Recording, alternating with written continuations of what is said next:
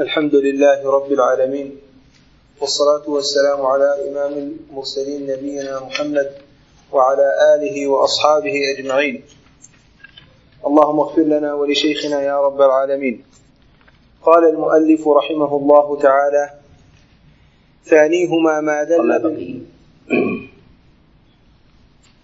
ثانيهما وما بقي. اللي قبله. أحسن الله إليك. قال رحمه الله تعالى وما بقي موضوعه محققا فسمه بعد مج- مجازا مطلقا ثانيهما ما دل بالموضوع وعكسه بضد ذي المصنوع بسم الله الرحمن الرحيم وصلى الله وسلم وبارك على نبينا محمد وعلى آله وأصحابه ومن تبعهم بإحسان إلى يوم الدين. ذكر المصنف رحمه الله أقسام الكلام من جهة الحقيقة والمجاز وأنها تنقسم إلى قسمين إلى الحقيقة والمجاز. وذكرنا وأشرنا إلى شيء من الخلاف في هذا وذكرنا أن الأصل في ذلك هو على الحقيقة حتى من قال بالتقسيم فإنهم يصدرون الحقيقة على المجاز ويجعلون المجاز المجاز عارضا ويذكر العلماء انواعا وصورا للمجاز يذكرون أنه يأتي ناقصا ويأتي تاما ويأتي استعارة وهذا على حسب على حسب موضعه. وذلك كقول الله جل وعلا واسأل واسأل القرية. وقول الله جل وعلا جدارا يريد أن ينقض فأقامه. ومعلوم أن الجدار ليس له إرادة وإنما الإرادة لما كان فيه حياة. ولما لم تكن فيه حياة دل على دل على أن هذا هذه الإرادة هي إرادة مجازية. نعم. أحسن الله إليك. قال رحمه الله تعالى والأمر قصد الفعل ممن دونه وافعل من لفظه يعنونه وعند ناقة يقتضي الفورية لا للتراخي بل نرى الحي. تقدم معنا الإشارة إلى الأمر وأنه وأن الأمر هو استدعاء الفعل ممن ممن دونه. واستدعاء الفعل ممن دونه. إذا قلنا أن الأصل في الوجوب فينبغي أن نقول استدعاء الأمر ممن دونه على وجه الوجوب. على وجه الوجوب لأننا نقول بأن الأصل في الامر في الأمر الوجوب.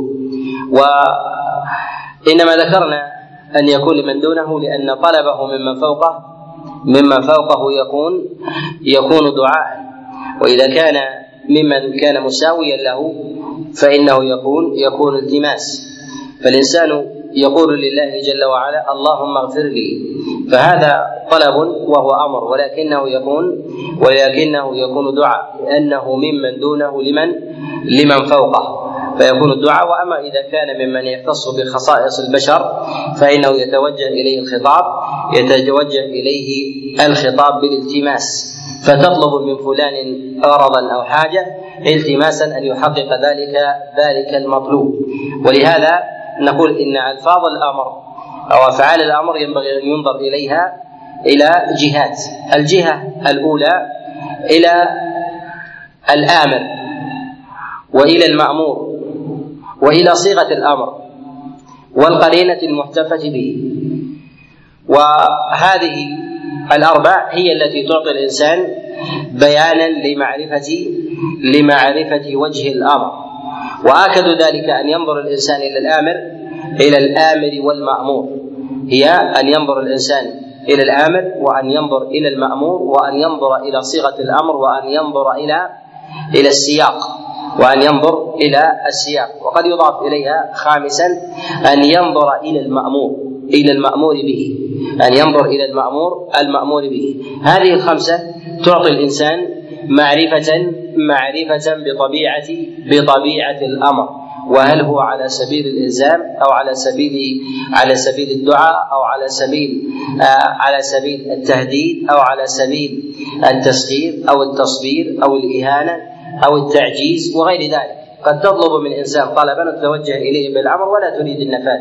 لماذا؟ لأنك تريد منه تريد منه تعجيزا تريد منه تعجيزا وإهانة. وذلك في قول الله سبحانه وتعالى كونوا حجارة أو حديد فالله جل وعلا أمرهم بأن يكونوا حجارة ولا يستطيعون أن يفعلوا ذلك ولا يستطيعون أن يفعلوا ذلك. وقد تطلب طلبا وتريد به وتريد به الإهانة. أو تريد به التخويف أو التهديد أو أو التسوية بين الفعلين وغير ذلك مما يشير إليه المصنف فيما يأتي بإذن الله.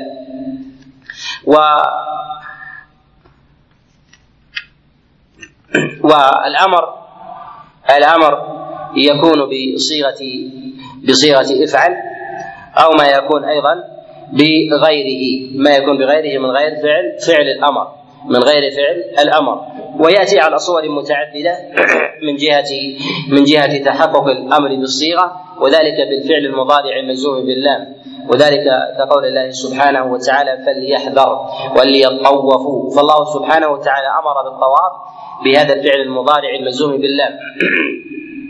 وكذلك أيضا ما كان اسم اسم فعل وذلك بقول عليكم كتب عليكم القتال. عليكم بسنتي وسنة الخلفاء الراشدين. فهذا دليل دليل على الأمر وعلى من صيغ من صيغ من صيغ الأمر. وكذلك المصدر النائب النائب عن فعله فإنه فإنه يدل على الوجوب. وذلك كقول الله جل وعلا فضرب الرقاب يعني اضربوا رقاب رقاب هؤلاء. وظاهره أنه يفيد الخبر ولكنه يتضمن الأمر لأنه مصدر مصدر نائب عن فعله. كذلك أيضا المشتق من فعل الأمر. المشتق من فعل الأمر. وذلك كقول الله كقولنا مثلا يأمركم وينهاكم. وذلك لتضمنه فعل الأمر أو أو النهي. وأصل الأمر هو بصيغه بصيغة افعل ويعرف تحديده بالنظر إلى ما تقدم من من الخمسة. النظر إلى الآمر النظر إلى المأمور النظر إلى الصيغة النظر إلى المأمور به النظر إلى السياق. النظر إلى السياق هذا يعطي يعطي الناظر في الأمر تحديده هل هو هل هو للوجوب أو للاستحباب أو لغيره. نعم. أحسن الله إليه. قال رحمه الله تعالى وعندنا قد يقتضي الفورية لا للتراخي بل نرى الحينية يقول وعندنا قد يقتضي الفورية لا للتراخي بل نرى الحينية بالنسبة للأمر هل هو يقتضي الفورية والمبادرة به؟ أولا ينبغي أن نعلم أن النهي يقتضي الفورية وهذا محل اتفاق عند العلماء وإنما الخلاف إنما هو في الأمر. فإذا نهى الله عز وجل عبدا من العباد عن فعل شيء فمقتضى ذلك أنه على الفور أن ينتهي. فإذا قال الله عز وجل لا تسرقوا يعني الآن وما يأتي. فينبغي أن تبادر. ولا تقول إن النهي هو من الغد أو أو أو من بعد الغد ونحو ذلك. وهذا وهذا في النهي.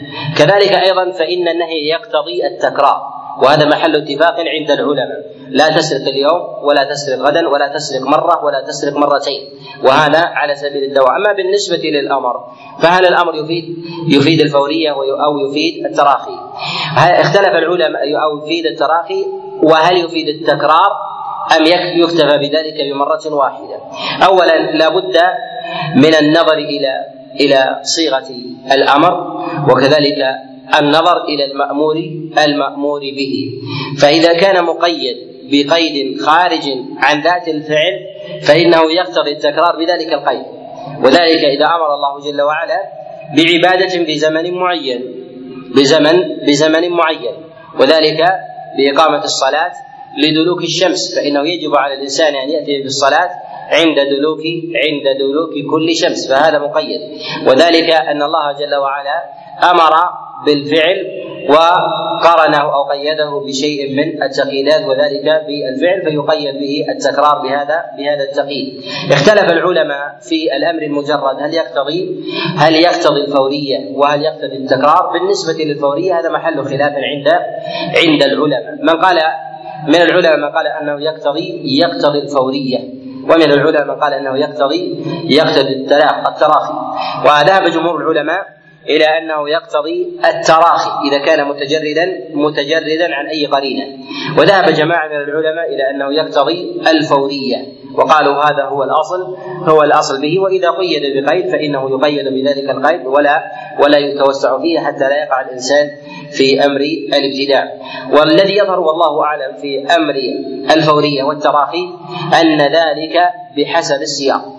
أن هذا بحسب السياق وبحسب المأمور وبحسب المأمور به.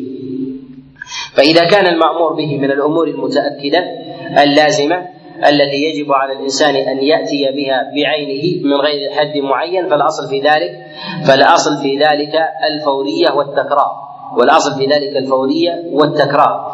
وأما إذا كان الأمر جاء جاء من غير تأكيد وإلزام بالزام بنوع من أنواع الإلزام ولم يأتي كذلك أيضا فيه تهديد في حال الترك فالأصل في ذلك أنه على التراخي ولا يفيد تكرارا.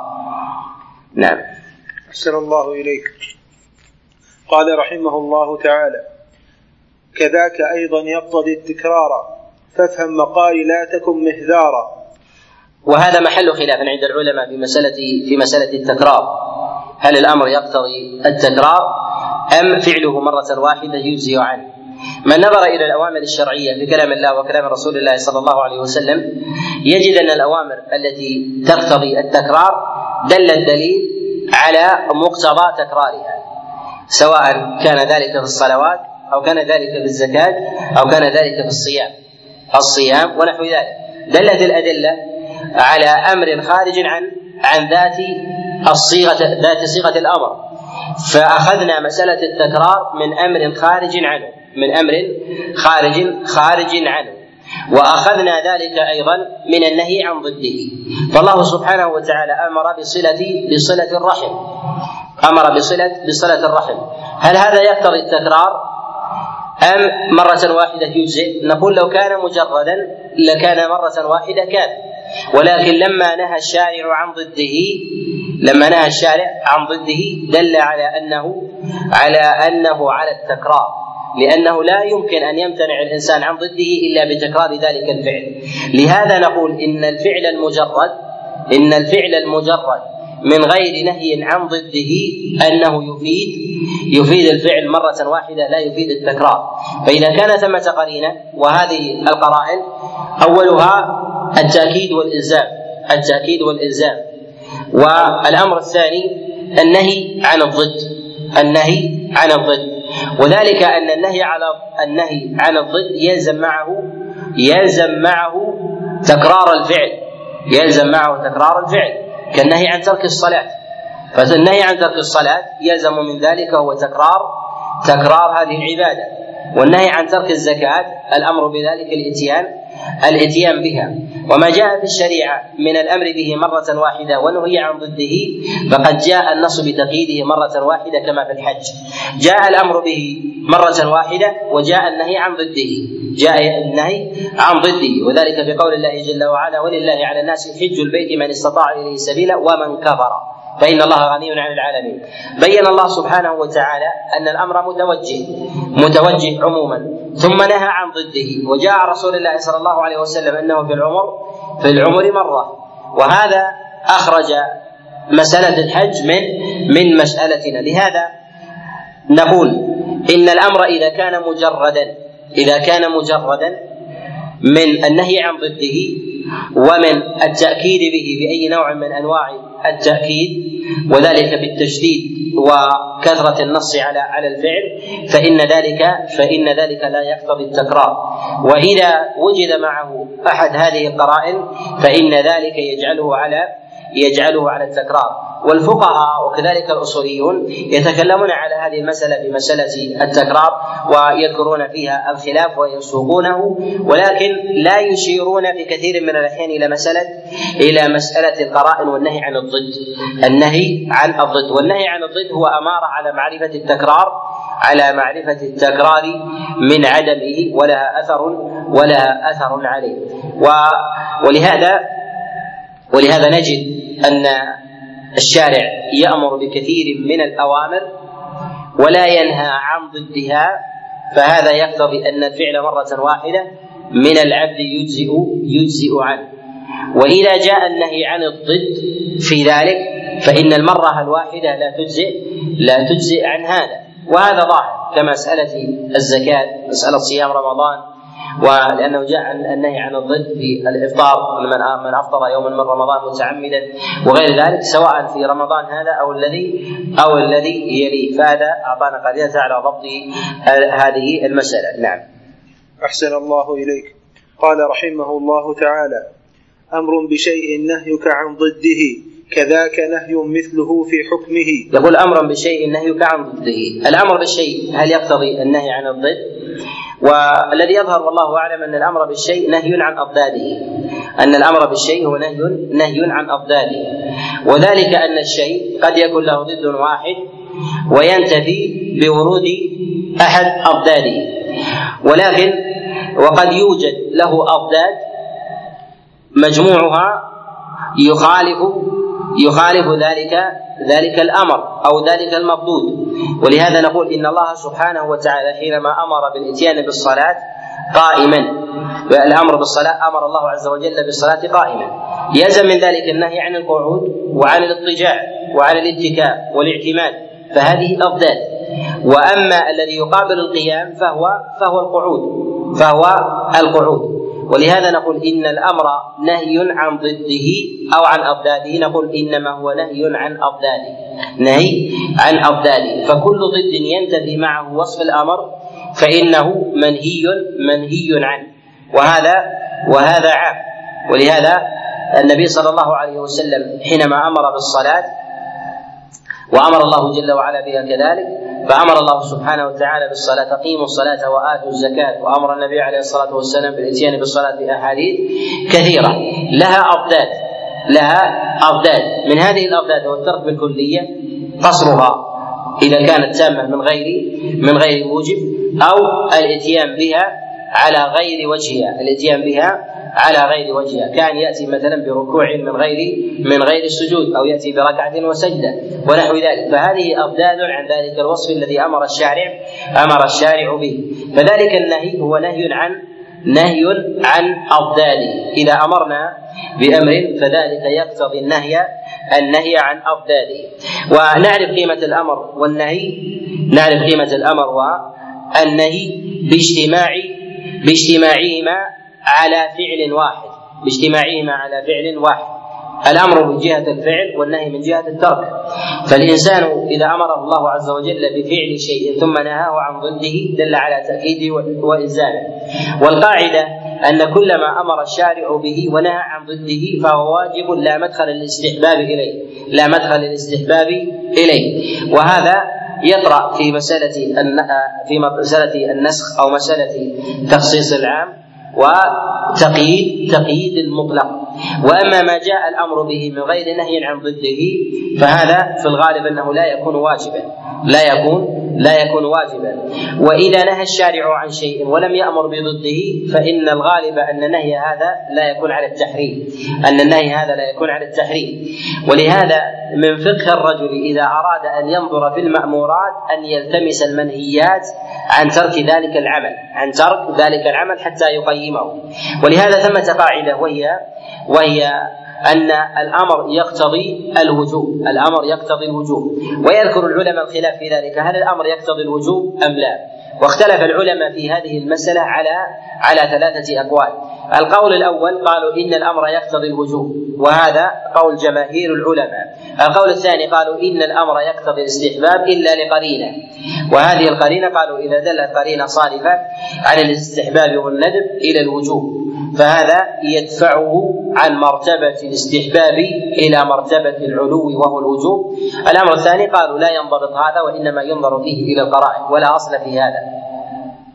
ونحن نقول إن الأمر إذا كان مقترنا بنهي عن ضد فإنه يقتضي الوجوب فإنه يقتضي الوجوب. وإذا كان وإذا كان نهيا من غير أمر بضده أو أمر أو كان امرا من غير نهي عن ضده فإن ذلك لا يقتضي التأكيد والإلزام. ولهذا نجد أن الشارع أمر أمر بأفعال كالسواك وما نهى عن عن ضده وأمر ونهى عن المشي بنعل واحدة والمشي بخف واحدة وما أمر بضده بالمشي بنعلين أو المشي بخفين.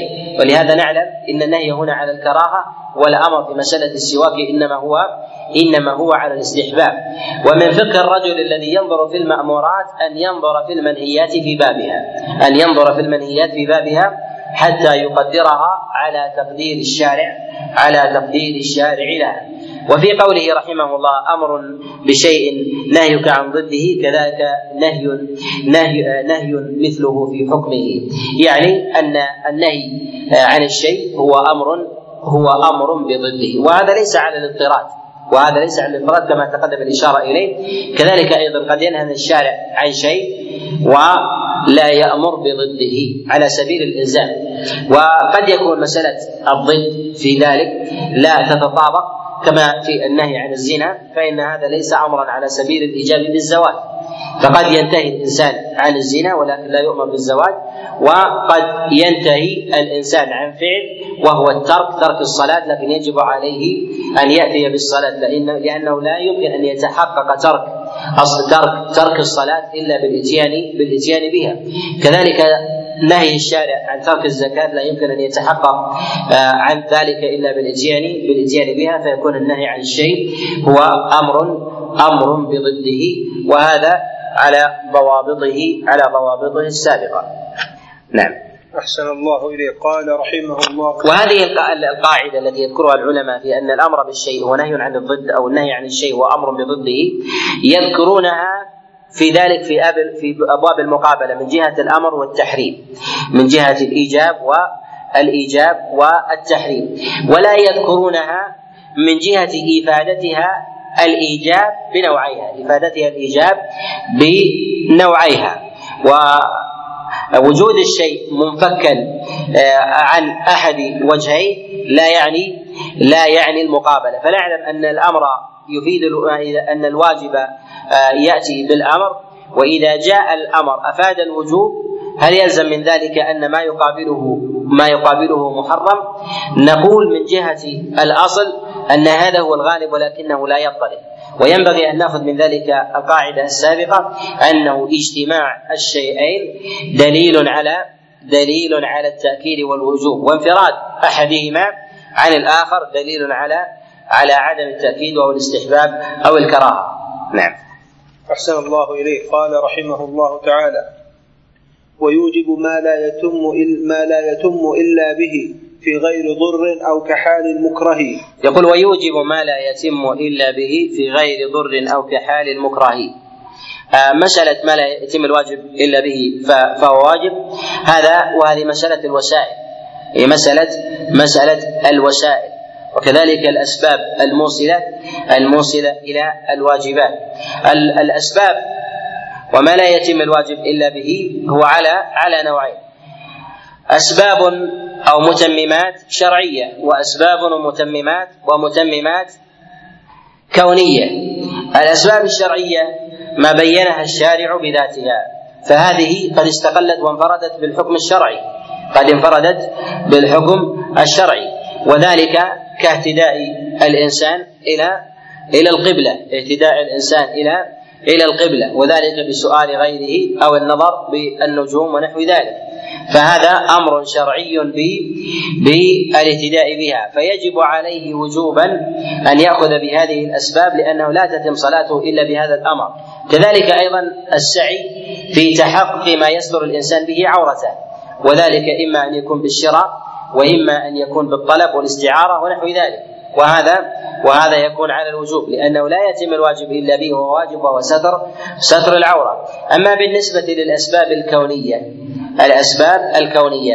لا تجب بذاتها وإنما تجب بمعناها. لا تجب بذاتها وإنما تجب بمعناها بخلاف الأسباب الشرعية. الأسباب الشرعية ما خصه الدليل بعينه فإنه يجب أن نأخذه. وذلك كحال ستر العورة فإن الإنسان يسترها باللباس وجب عليه أن يتحقق لديه لديه اللباس حتى يؤدي يؤدي الصلاة. أما بالنسبة للأمور الكونية قد الإنسان يتنوع يتنوع فيها فإن لم يجد هذا أخذ ذاك لأن الشارع ما أمر به بعينه وإنما أمر بمعناه وإنما أمر أمر بمعناه. وذلك كركوب الإنسان إلى الغزو. قد يركب ابلا أو قد يركب خيلا أو يكون الرجل راجلا. هذه سبل أو يكون الرجل منتعلا. النبي عليه الصلاة والسلام يقول كما جاء في الصحيح من حديث جابر قال استكثروا من النعال فإن الرجل ما يزال راكبا من تعب يعني أن الإنسان يجب عليه أن يصل إلى الغاية على أي سبب كان مما كونه الله عز وجل في هذه في هذه الأرض وخلقه وخلقه له. لهذا نقول ان ما لا يجب ما لا يجب ما لا يتم الواجب إلا به فهو واجب بذاته إذا كان شرعيا وبمعنى إذا كان إذا كان كونيا. الصلاة لا تتم إلا بالطهاره فوجب علينا أن ناتي أن نأتي بالطهاره وكذلك لا تتم إلا بستر العورة فوجب على الإنسان أن يستر أن يستر العورة. وأما بتحقق بتحقق المقصود الشرعي بأي سبب من الأسباب الكونية فإنه يجب على الإنسان أن أن يتحصل لذلك. كذلك أيضا مسألة البناء. لا يتم بناء المساجد لا يتم للإنسان اتيان الصلوات إلى الجماعة إلا ببنائه يبنيها من الخشب يبنيها من الحجر يبنيها من الطين يبنيها بأي وسيلة بأي وسيلة كانت حتى يتحقق ماذا؟ حتى يتحقق الأمر الذي أمر الله عز وجل به وهو جماعة المسلمين جماعة المسلمين في المسجد. وما ذكره هنا قال في غير ضر أو كحال المكره. إذا كان الإنسان يتعذر عليه استعمال ذلك السبب أو ما لا يتم الواجب إلا به فإنه يعذر. إذا كان يجد في ذلك في ذلك مشقة. يجد في ذلك في ذلك مشقة. كأن الإنسان يشق عليه أن يجد دابة توصله إلى مقصوده. إما لغلاء فاحش وهو لا يملك وهو من الفقر فيقال حينئذ إن ذلك الوجوب يسقط يسقط عنه. ويجب عليه حينئذ ما أوجبه الله عليه بذاته وما استطاع. كالإتيان إلى صلاة الجماعة إذا تعذرت على الإنسان بعدم وجود المركوب أو كان مكرها بعدم الخروج من بيته. لا تسقط الصلاة وإنما يؤديها في بيتها. ويسقط القدر الذي أوجبه الله عليه وهو الإتيان إلى الإتيان إلى الصلوات. وهذا مقتضى قول الله جل وعلا فاتقوا الله ما استطعتم وقول النبي عليه الصلاة والسلام إذا أمرتكم بأمر فأتوا منه فأتوا منه ما استطعتم. نعم. أحسن الله قال رحمه الله تعالى كذاك مجنون وساه لا تقل ولا صبي داخل مثل مثل الرجل لأنهم في مثلهم لم يوجبوا لكن إذا زال المغيى خوطبوا يقول كذاك مجنون وشاه لا تقل اولا بالنسبة للجنون هو المراد به التغطية والخفاء وخفاء العقل ولهذا تسمى الجن جنا لخفائها واستتارها. وكذلك إذا جن الليل على الإنسان غطى ما يراه الإنسان وغطى السماء. ولهذا يسمى المجنون مجنونا لأن الله عز وجل قد حجب عقله حجب عقله عن التفكر والتأمل. والمجنون هو فاقد العقل بالكلية على الدوام. وأما الشاهي فهو فاقد العقل في خطاب بعينه في خطاب بعينه وهو العارض وذلك أن الإنسان إذا نودي بأمر فقيل له افعل كذا وهو ساهي وهو يفكر. هذا ساهي وليس بمجنون. وذلك لأنه فاقد العقل عند خطاب بعينه عند خطاب بعينه لا على سبيل لا على سبيل الدوام. أما بالنسبة للمجنون فإنه فاقد للعقل بالكلية وعلى الدوام. في هذا الخطاب وفي غيره. وهم يشتركون في عدم التكليف يعني الشاهي والمجنون. ولكن بالنسبة للشاهي إذا وجد سبيلا للتذكر وجب عليه. أما المجنون فيرفع عنه القلم بالكلية يرفع عنه القلم القلم بالكلية. ويدخل في ذلك تبعا في مسألة الساهي العارض وفي مسألة النائم. وكذلك المغمى عليه. ومن في حكمهم فإنهم يدخلون لاشتراكهم لاشتراكهم في فقد العقل مع المجنون وسواء قلت قل زمن فقد العقل والجنون أو كان ذلك طويلا. و يقول ولا صبي داخل مثل الرجل وذلك أن الصبي مرفوع عنه القلم وقد جاء رسول الله صلى الله عليه وسلم كما في المسند والسنن من حديث الأسود عن عائشة قال رسول الله صلى الله عليه وسلم رفع القلم عن ثلاث. عن الصبي حتى يبلغ وعن المجنون المجنون حتى يعقل وعن النائم حتى يستيقظ. وهؤلاء الثلاثة رفع الله عز وجل عنهم عنهم القلم. ويدخل فيهم ويدخل فيهم من في حكمهم وهو الشاهد وهو الساهي. يسمى ساهي ويسمى مخطئ لوقوعه بمباشرة شيء من غير قصد. لوقوعه بمباشرة شيء من غير من غير قصد. وإنما كان رفع القلم إنما هو عن ورود الإثم. عن ورود الإثم لا عن وجوب العوض في حال الإتلاف. فإن الصبي وكذلك أيضا المجنون وكذلك أيضا النائم ربما يتلف شيئا لغيره يجب عليه أن يضمن. ولكن الإثم والعقاب مرفوع عنه مرفوع عنه. ولهذا المجنون إذا كان له مال أو الصبي كان له مال وأتلف دار أحد بعينه فيجب عليه في ماله العوض يقيم عنه وليه. كذلك أيضا المجنون إذا كسر زجاجا أو ضرب سيارة أو قتل دابة أو قتل شخصا فإن ذلك لا يكون هدر. يرفع عن الإثم والعقاب لأن المراد بالقلم المرفوع في قوله رفع القلم عن ثلاثة المراد بذلك هو الإثم وليس المراد بذلك هو هو العوض ولهذا يجب عليه العوض كحال المخطئ. المخطئ يمشي في سيارته ويتلف مالا. لا يجب في ذلك العقوبة ولا يعزر لأنه مخطئ أو شاهي. ولكن يجب عليه أن يعوض أن يعوض غيره في مقام الإتلاف. لماذا؟ لأن حقوق الناس محفوظة. حقوق الناس محفوظة.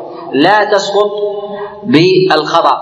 وذلك لورود الظن. لورود الظن في ذلك العمد في ذلك العمد وهي شبهة وإن كانت ضئيلة.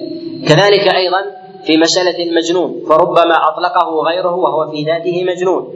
وذلك لأن صيانة أموال الناس آكد من عدم العوض من عدم أخذ العوض من مجنون أخذه في ذلك عنه عادة وأما صيانة أموال الناس آكد آكد من ذلك. وإنما ذكر الجنون وذلك لأن ضده العقل والجنون هو أمر أمر نسبي. الجنون أمر نسبي. يرفع القلم عنه في الآثام ولا يرفع عنه في الأجور ولا يرفع عنه في الأجور.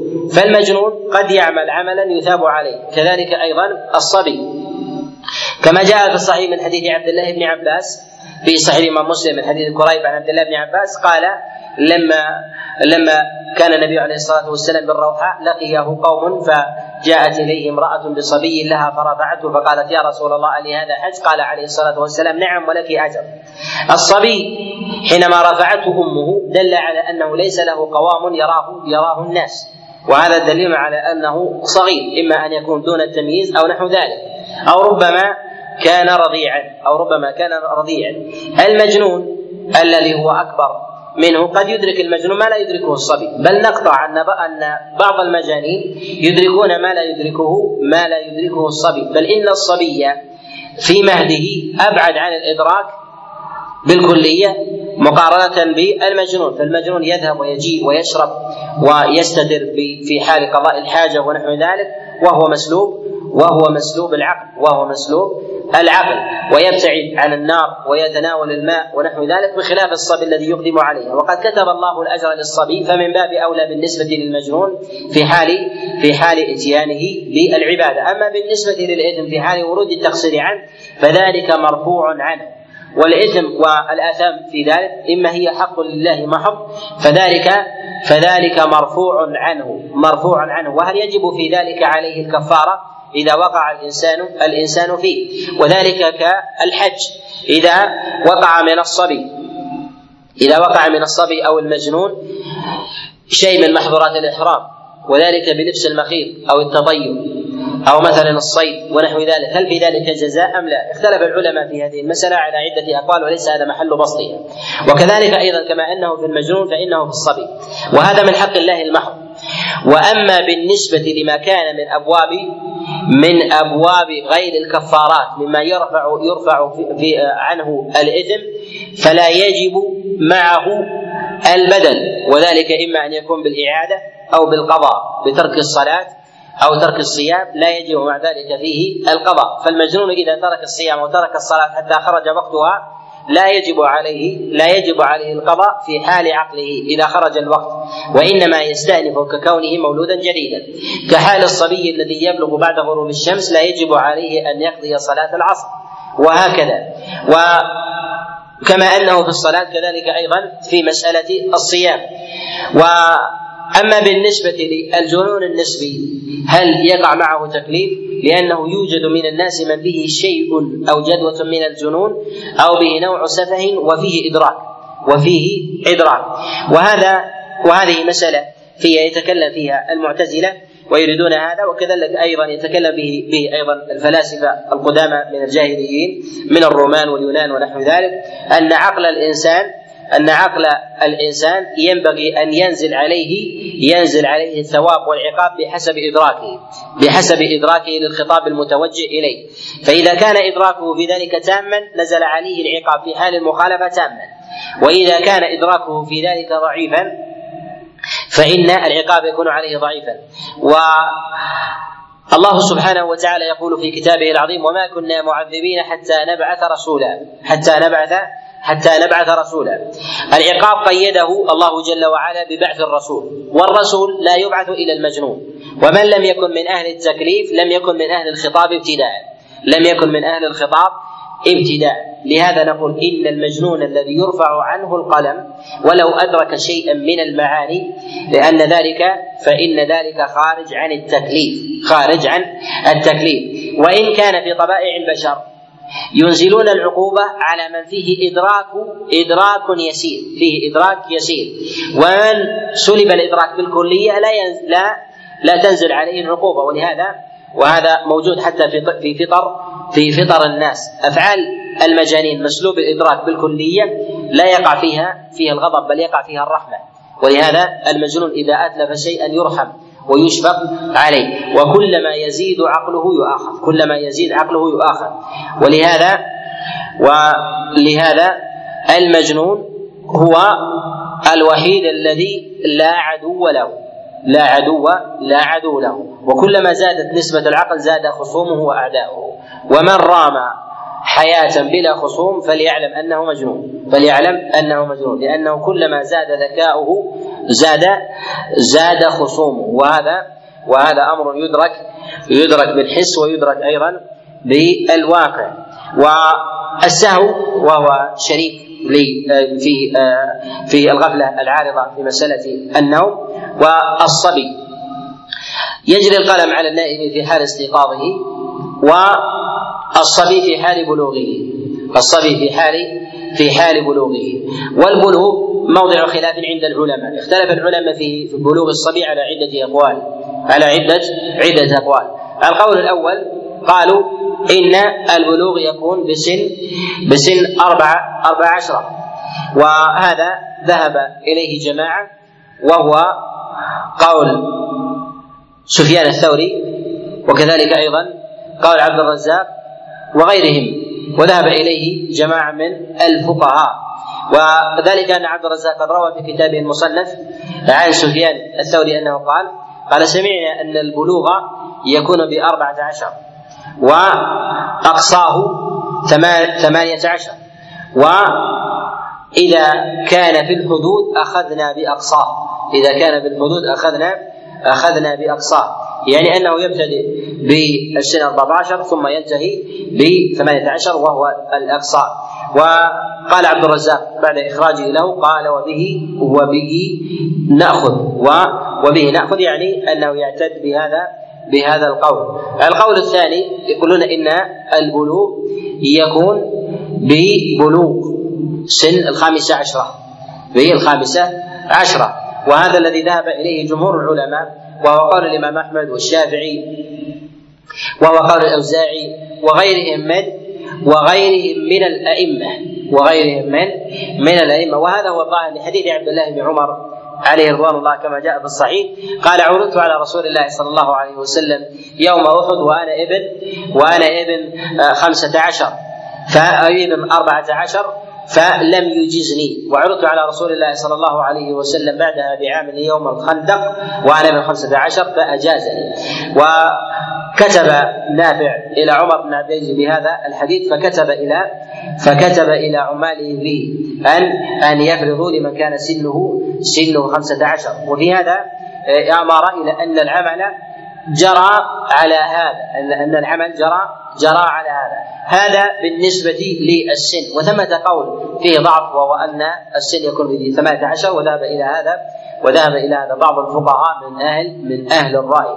وهذا بالنسبة لي بالنسبة للسن.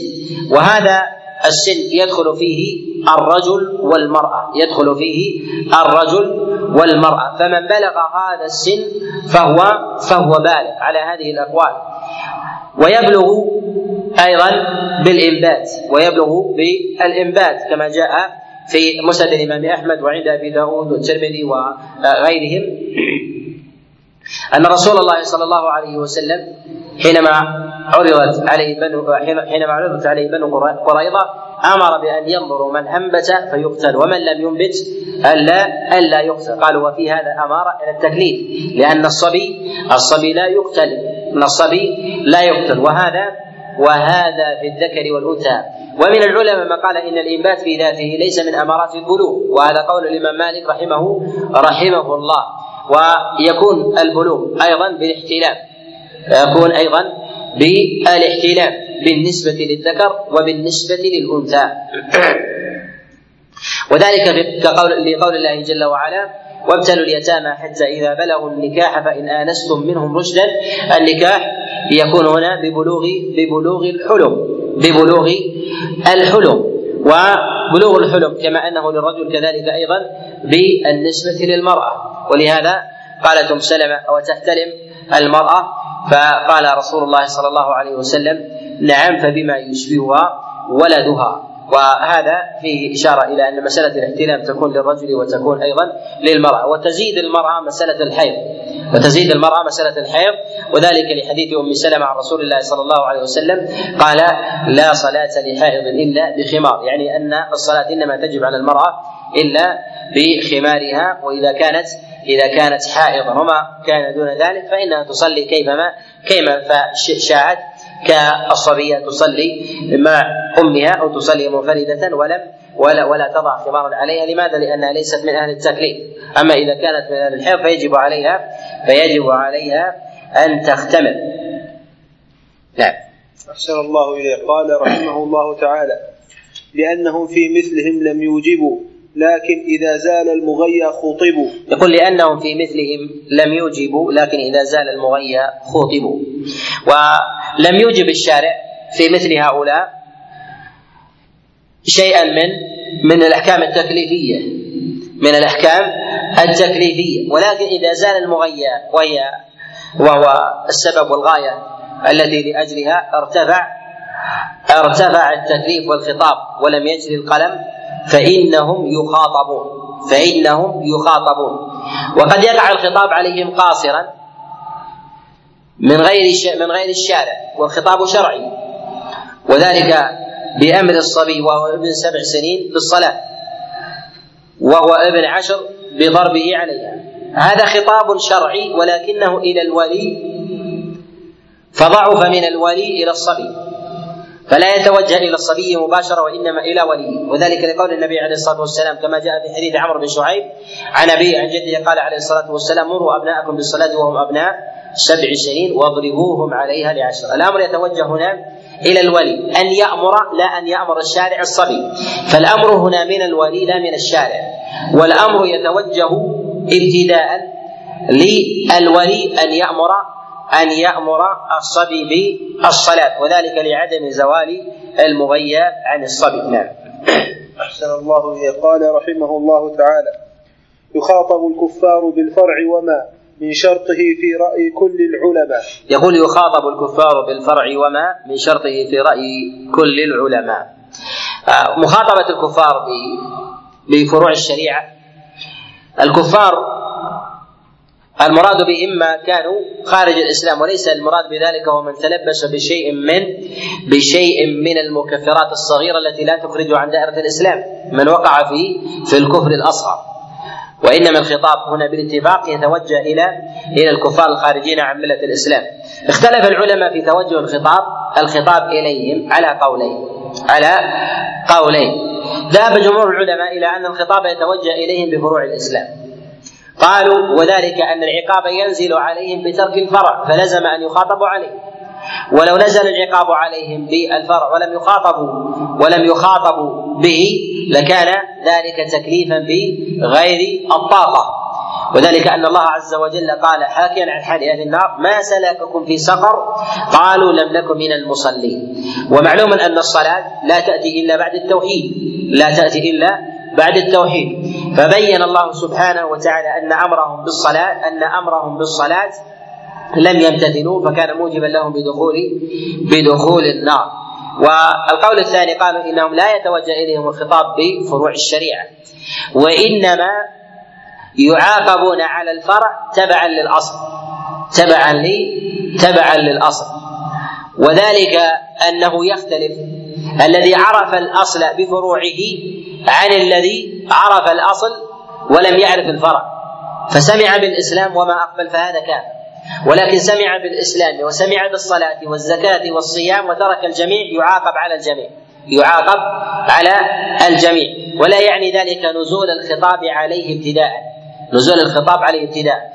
قالوا وذلك أن الله سبحانه وتعالى وذلك أن الله جل وعلا نهاه عن شهود موضع العبادة فكيف يخاطب بفرعها لهذا قال الله جل وعلا إنما المشركون نجس فلا يقرب المسجد الحرام بعد عام ماذا؟ فإذا منعناه من دخول موضع العبادة فكيف يخاطب بفرعها؟ بأن يؤدي مثلا الصلاه فيها أو يؤدي المناسك فيها وهو كافر في ذلك وهذا وهذا فيه ما يدل على أنه لا يدخل ذلك حتى يدخل في الإسلام ثم يؤدي يؤدي المنسك في ذلك. ثم إذا قلنا أنه يخاطب بفروع الشريعة يلزم من ذلك أن تكون الفروع عامة ومن ذلك المناسك. فكيف يتوجه الخطاب إلى كافر؟ وهو على كفره أن يؤدي الحج وهو على كفره فإن هذا مما لا يقبل مما لا يقبل منه. وأما نزول العقاب عليه في في الآخرة فيقول ينزل العقاب عليه في الآخرة إذا علم الأصل بفرعه فنزل العقاب عليه بترك الجميع. وأما إذا عرف الأصل من غير فرعه فإنه يعاقب بترك الأصل يعاقب بترك الأصل. الكفار الذين يسمعون عن الإسلام ولا يعلمون فروعه. لا يدرون ما الصلاة ولا الصيام ولا الحج. هؤلاء يعاقبون على ترك التوحيد جملة. على ترك التوحيد جملة. ولا ينزل بهم عقاب مخصوص على صلاة. بخلاف من شاهد المسلمين أو كان بين ظهرانين من المنافقين.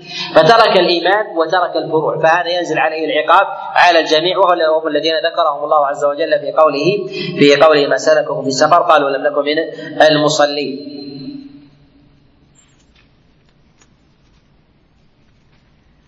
وتقسيم الشريعة إلى أصول وفروع هذا من المعاني التي استنبطها العلماء من مجموع من مجموع نصوص الشريعة. والشريعة وشائج مترابطة تواصل بعضها بعضها بعضها مع بعض. وبعض العلماء ينفي أن يكون ثمة مصطلحات أصول وفروع ويقول إن الشريعة كلها كلها واحدة. كلها واحدة. لا ينبغي أن يقال فروع حتى لا يهون شيء من شيء من الشريعة. نعم. أحسن الله إليه. قال رحمه الله تعالى أمر لندب أو لتهديد ورد تكوين تعجيز وإيجاب وقد. يقول أمر لندب أو لتهديد ورد تكوين تعجيز وإيجاب وقد. أولا أنا أكمل. نعم. يأتي لإرشاد كذا إنذاري تأدي تأدي بإكرام كذا احتقاري. إباحة مع التمني والدعاء. تأدى يأتي لإرشاد كذا إنذاري تأدى بإكرام كذا احتقاري. إباحة مع التمني والدعاء. إهانة التسخير في من قد سعى. من وإذن قل كذا والتسوية. تصبير تلهيف تصير تلهيف التماسا لمشورة. المشورة. التماس المشورة. التماسا لمشورة. التماس المشورة. التماس المشورة. نعم. يقول أمر لندب أو لتهديد ورد تكوين تعجيز وإيجاب وقد. المصنف رحمه الله يريد أن يبين أن الأمر قد يأتي على غير الوجوب وليس المراد به الامتثال وليس المراد به الامتثال. وهذا له أنواع كثيرة في لغة في لغة العرب. يأتي من باب التعجيز ويأتي من باب التخيير ويأتي من باب التسخير ويأتي من باب التصيير ويأتي من باب الإعجاز ويأتي من باب السخرية ويأتي من باب السخرية ويأتي من باب التكوين ويأتي من باب المشورة وهو المشاورة لا على لا على سبيل لا على سبيل الأمر المباشر بل ربما يأتي على الإباحة إذا كان بعد بعد حظر. وهذا إنما يعرفه الإنسان يعرفه الإنسان بالنظر إلى خمس الجهات التي تقدم الكلام عليها. النظر إلى الآمر النظر إلى المأمور النظر إلى المأمور المأمور به النظر إلى صيغة الأمر النظر إلى السياق. النظر إلى السياق. هذه الخمسة إذا نظر الإنسان إليها أفادته معنى ذلك الأمر. هل هو للامتثال؟ للامتثال أم لا؟ الله سبحانه وتعالى يقول مثلا في خطابه كونوا حجارة أو حديدا كونوا قردة. هذا الخطاب هل يستطيع الإنسان أن يكون كذلك؟ ليس ليس لا ليس باستطاعته هذا. وإنما هو أمر من الله عز وجل تكوينيا وهذا نعلم به أن الأمر ليس على ليس على الإلزام. ليس على ليس على الإلزام. وكذلك الخطاب إذا توجه من ممن دونه إلى من فوقه فيكون دعاء. وإذا كان أيضا ليس على سبيل الإلزام بالنظر إلى المأمور به. إذا أمر الشخص بشيء وهذا ليس على سبيل التأكيد بالنظر إليه بالنظر إلى ذات السياق أو النظر إلى المأمور به. نعلم أنه ليس على سبيل ليس على سبيل الإلزام. المأمور به إذا خلا من النهي عن ضده دل هذا على الندب لا على لا على الإيجاب. اذا هذا استفدناه بالنظر إلى بالنظر إلى المأمور به. والنظر إلى الآمر والمامور من جهة العلو والدونية من جهة العلو والدونية والمساواة. في المساواه التماس ومن علو إلى من دونه أمر. إيجاب أو ندب ومن دونه إلى من من كان أعلى منه يكون يكون دعاء يكون يكون دعاء. هذا بالنسبة للنظر إلى إلى الآمر والمأمور. النظر إلى السياق. السياق يفيد الإنسان معرفة بمعرفة ب هل الأمر على سبيل الوجوب أم هو على سبيل الاستحباب. وذلك كقول الله جل وعلا فإذا حللتم فاصطادوا. الصيد في ذاته مباح. ولكن إنما جاء بعد حظر. إذا جاء بعد حظر فإنه يدل على الإباحة. اذا هل نأخذ من هذا الأمر هو من الله لعبده؟ إذا هو أمر. يفيد الوجوب أم لا؟ وفي ذاته فعل. يستطيع الإنسان أن يقوم به وهو الصيد فيحمل على الوجوب.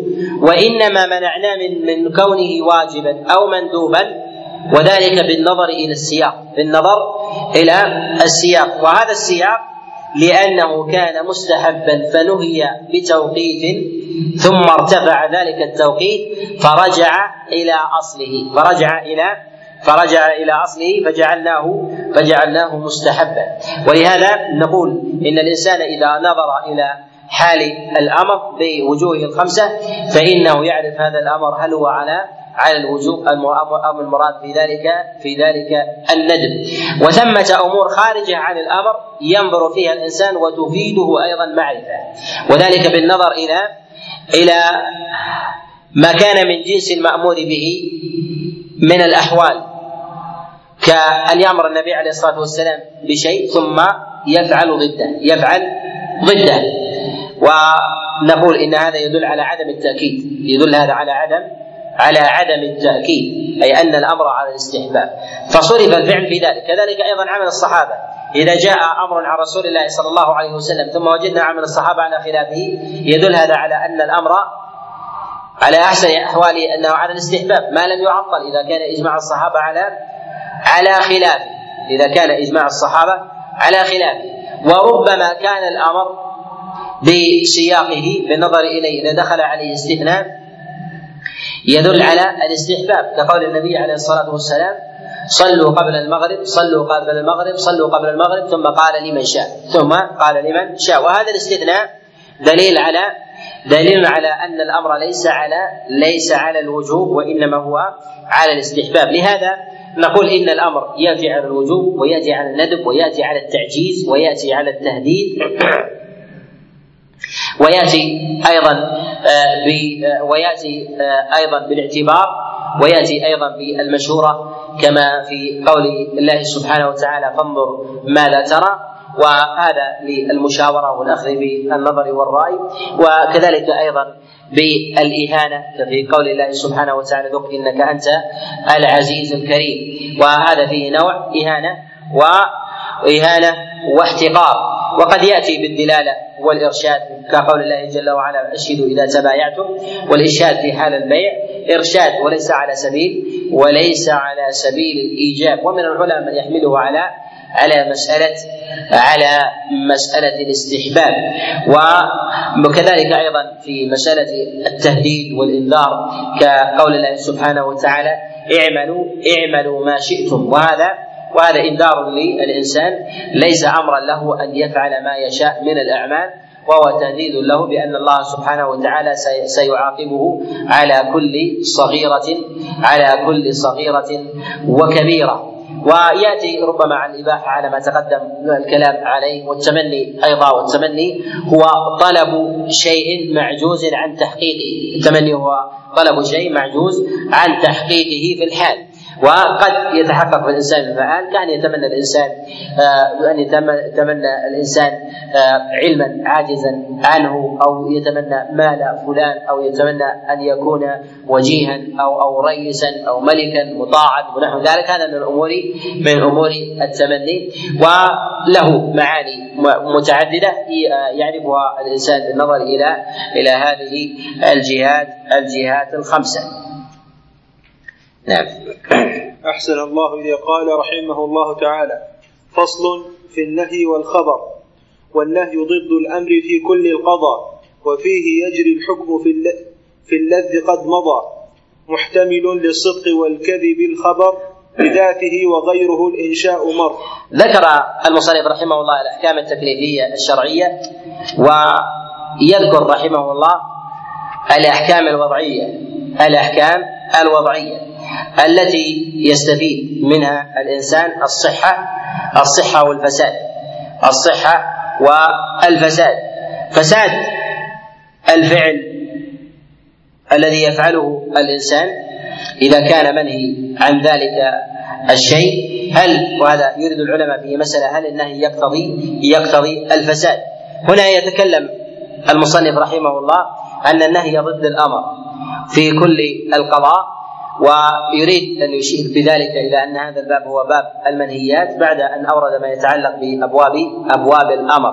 قال وفيه يجري الحكم في الذي قد مضى مما مضى من تفاصيل من جهة التحريم من جهة الكراهة كذلك أيضا من جهة التهديد والوعيد وغير ذلك فيجري عليه تلك تلك الأنواع بحسب النظر إلى المنهي فينظر إلى الناهي والمنهي وينظر أيضا إلى المنهي عنه وينظر إلى السياق وينظر أيضا إلى صيغة إلى صيغة النهي.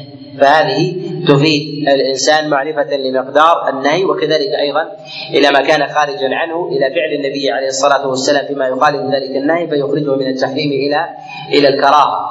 وذلك كنهي النبي عليه الصلاة والسلام عن الاغتسال بفضل المرأة اغتسل النبي عليه الصلاة والسلام بفضل ميمونة. يدل هذا على على صرف ذلك النهي إلى إلى كراهه التنزيه عن التحريم.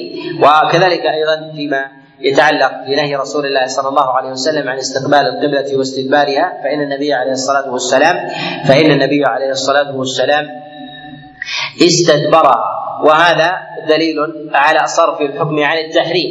وكذلك أيضا في فعل أصحاب رسول الله صلى الله عليه وسلم إذا أجمعوا أو ذهب جمهورهم فإن هذا من أمارات من أمارات الصوارف الصوارف في ذلك. كذلك أيضا ما كان على الإلزام أو هل أمر بضده أم لا فينظر في ذلك ويؤخذ منه ما يتعلق بالنهي. ومن العلماء من يقول إن النهي الأصل فيه أنه يقتضي التحريم ومنهم من قال يقتضي الكراهة ومنهم من قال أنه لا يقتضي لا الكراهة ولا التحريم وإنما هو بينها بحسب القرينة. فيجري عليه ما جرى في الأمر ما جرى في الأمر من من خلاف. والنهي المراد اشتق اشتق من النهى وهو لب الإنسان وعقله.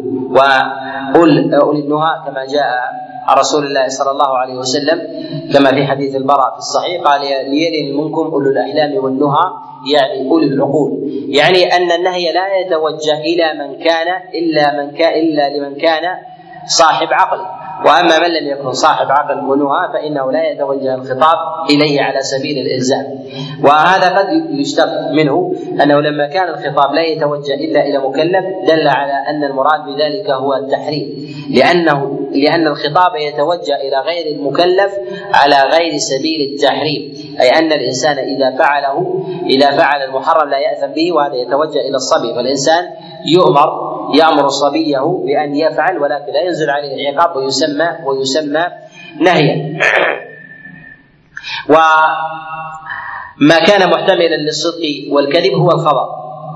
والخبر والخبر ما احتمل ما احتمل أحد الأمرين الصدق والكذب. والأخبار لا تنسخ في الشريعة.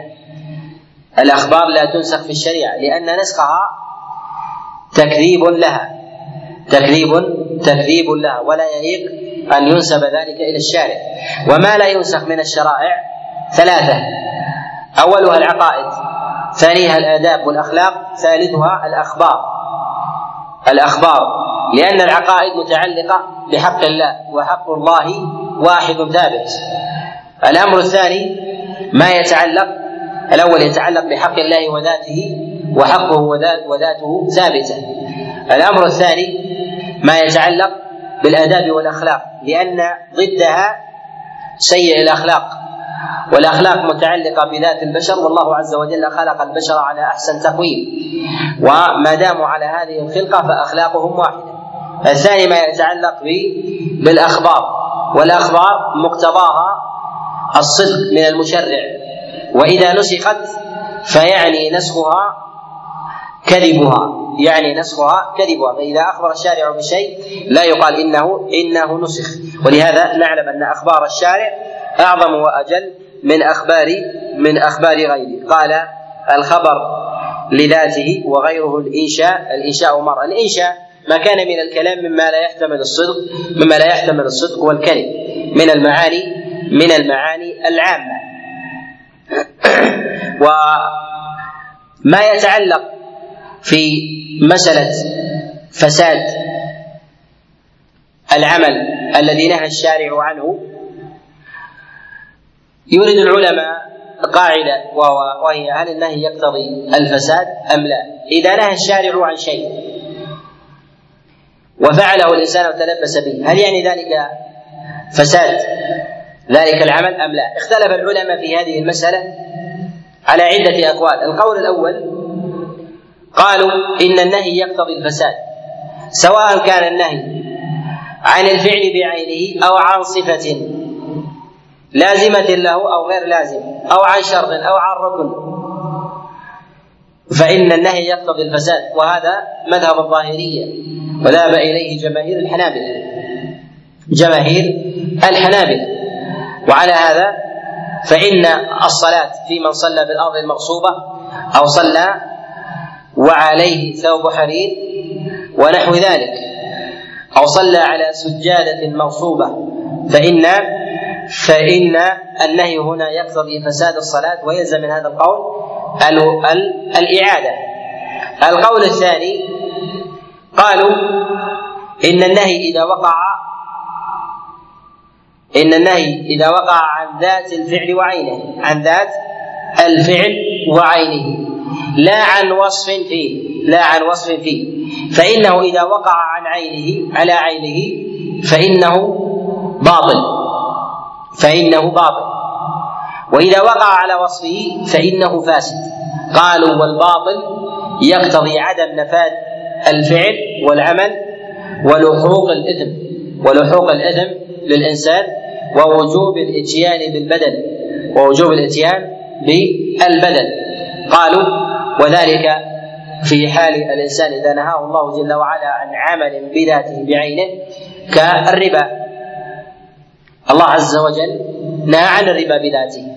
والربا ليس مركب على شيء أو وصف زائد على شيء فإذا تعامل الإنسان ببيع العينة بطل العمل كله ولحقه الاثم ولحقه الاثم لأن العمل بعينه بعينه محرم بعينه محرم. وأما إذا كان وصف خارج عنه قالوا فإن ذلك العقاب فإن العقاب وينزل عليه واو الإثم والعمل في ذلك فاسد وهو نافذ. وهو نافذ. وهؤلاء الذين يفرقون بين بين الباطل والفاسد.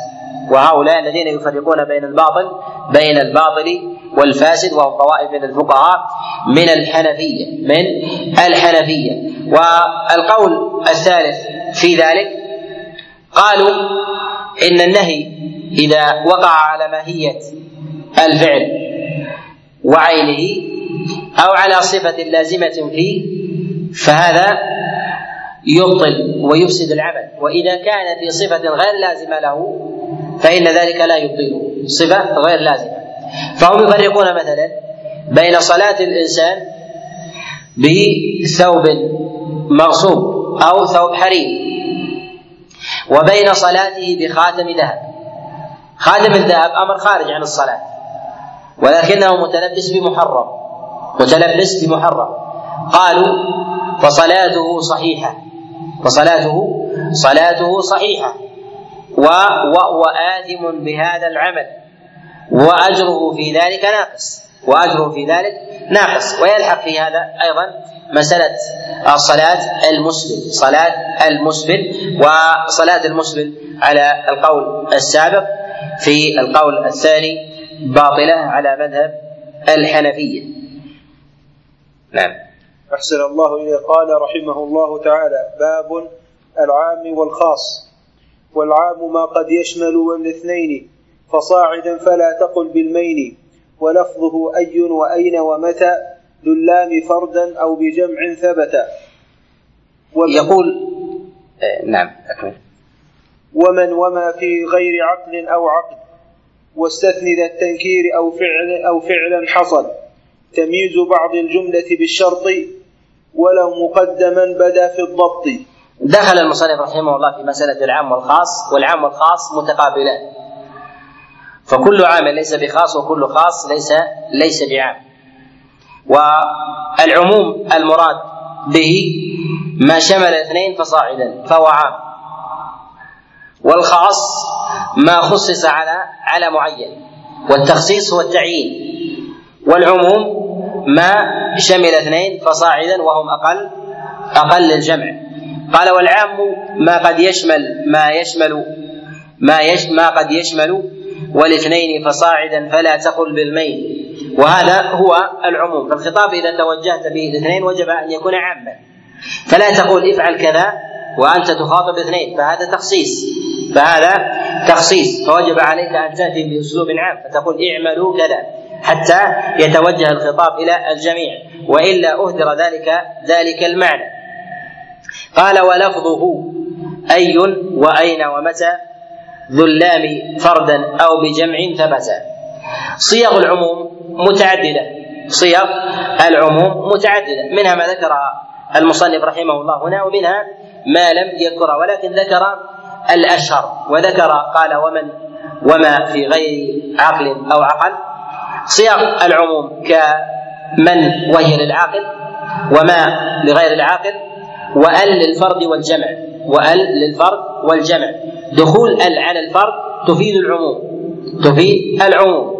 وذلك في كقول الله سبحانه وتعالى والعصر إن الإنسان لفي خسر. ال دخولها على الإنسان هنا دلت على عمومها على كل إنسان كان ذكرا أو أنثى كان صغيرا أو كبيرا صغيرا أو كبيرا ايا كان دينه وايا كان كان جنسه إلا ما استثناه الله سبحانه وتعالى.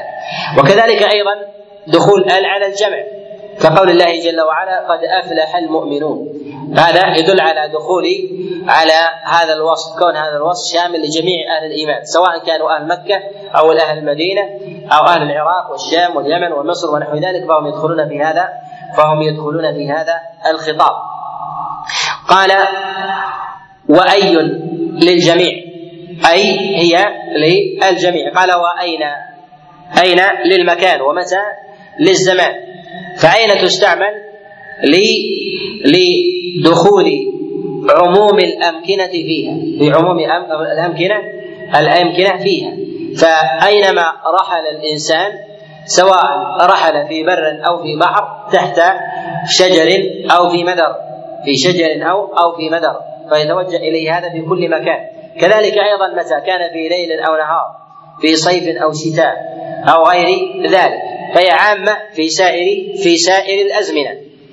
ومن للعاقل وما وما في غير العاقل وهي شاملة له. قال واستثن ذا التنكير أو فعلا حصل. الاستثناء قال ذا التنكير النبي بلا النفي بلا يفيد يفيد العموم. يفيد العموم.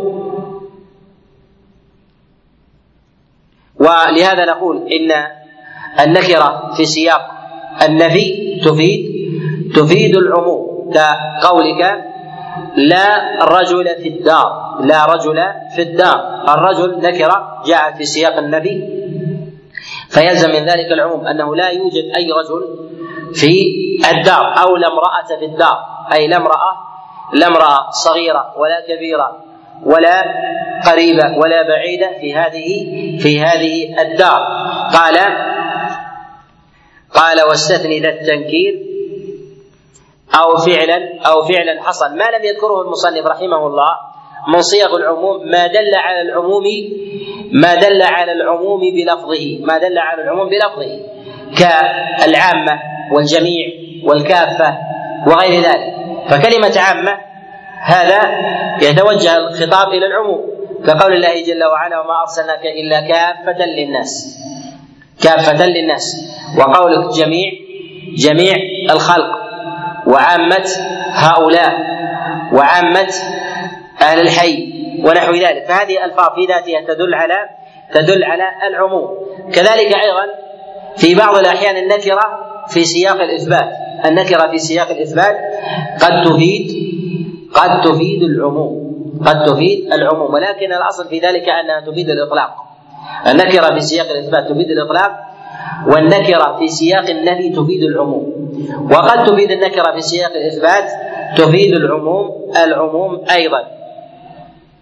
وما كان منكرا من المنفي في فإنه يفيد يفيد العموم. قال أو فعلا حصل تمييز بعض الجملة بالشرط بالشرط ولو مقدما. بدا في الضبط.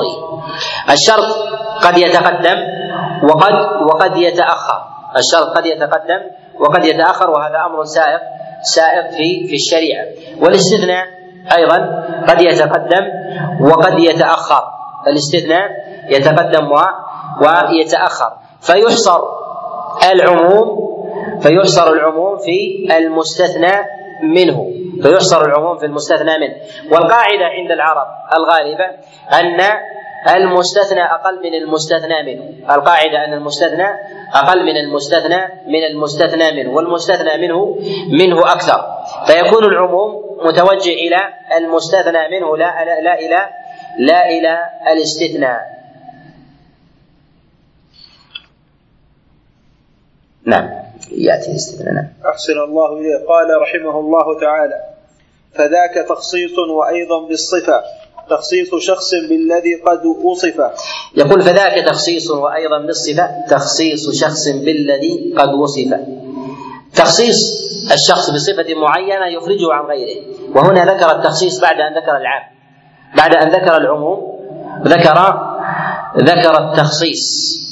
والإطلاق والعموم الإطلاق الذي لا يقيد. الإطلاق الذي لا لا يقيد. والعموم الذي يحصر يحصر بجنس أو يحصر بنوع أو يحد بحد ويخرج غيره مما يشترك معه من بعض من بعض الوجوه. فدخول اثنين وثلاثة وأربعة يسمى عام. ولكن الإطلاق هو أوسع من العموم. الإطلاق أوسع من العموم دخول الكافة الكافة في ذلك.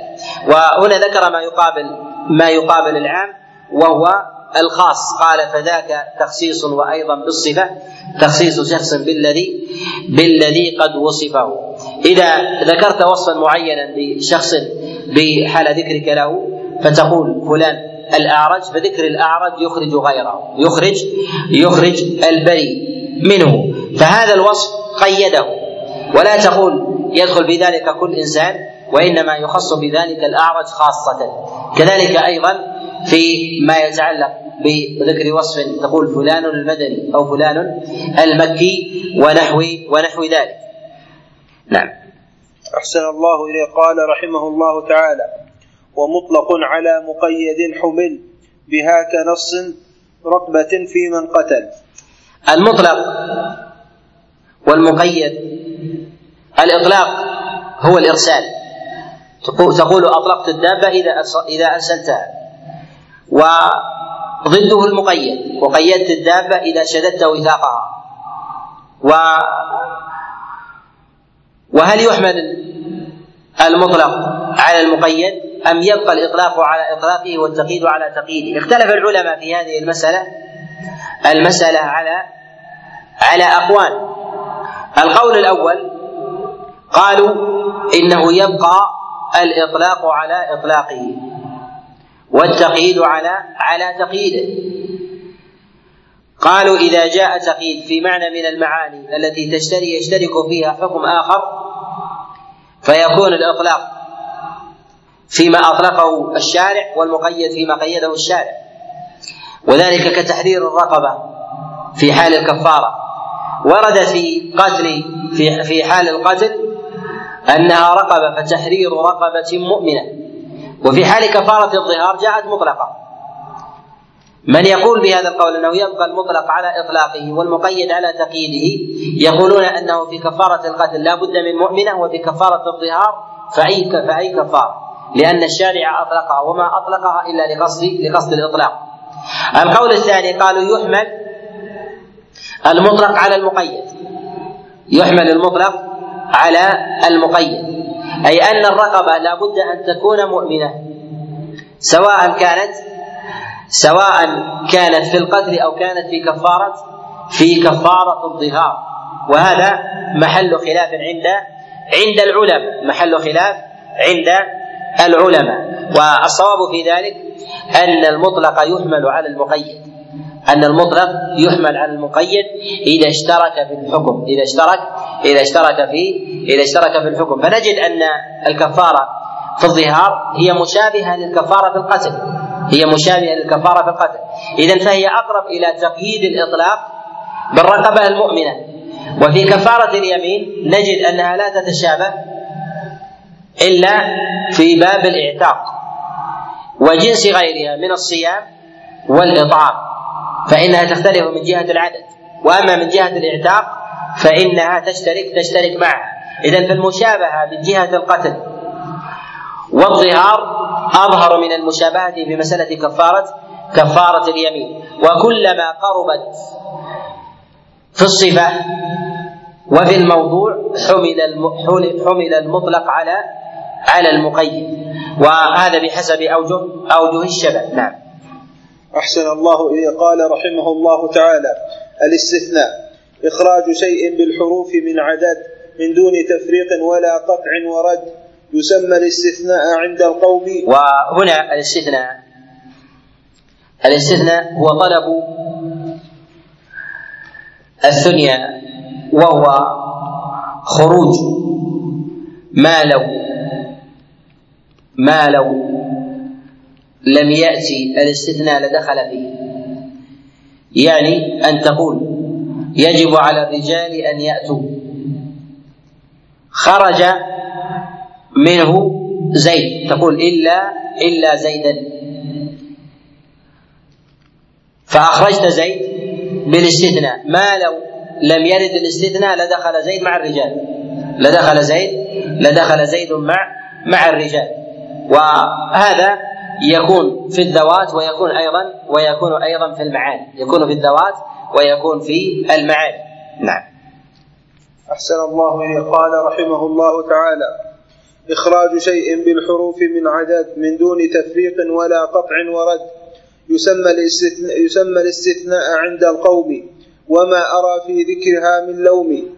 إلا وغير وحلا ثم عدا. حاشا سوى مثلثا نلت الهدى. الاستثناء يكون متصلا ويكون منفصلا. الاستثناء يكون متصلا ويكون منفصلا. يكون متصلا ومنفصلا من جهة الزمن ويكون متصلا ومنفصلا من جهة المعنى.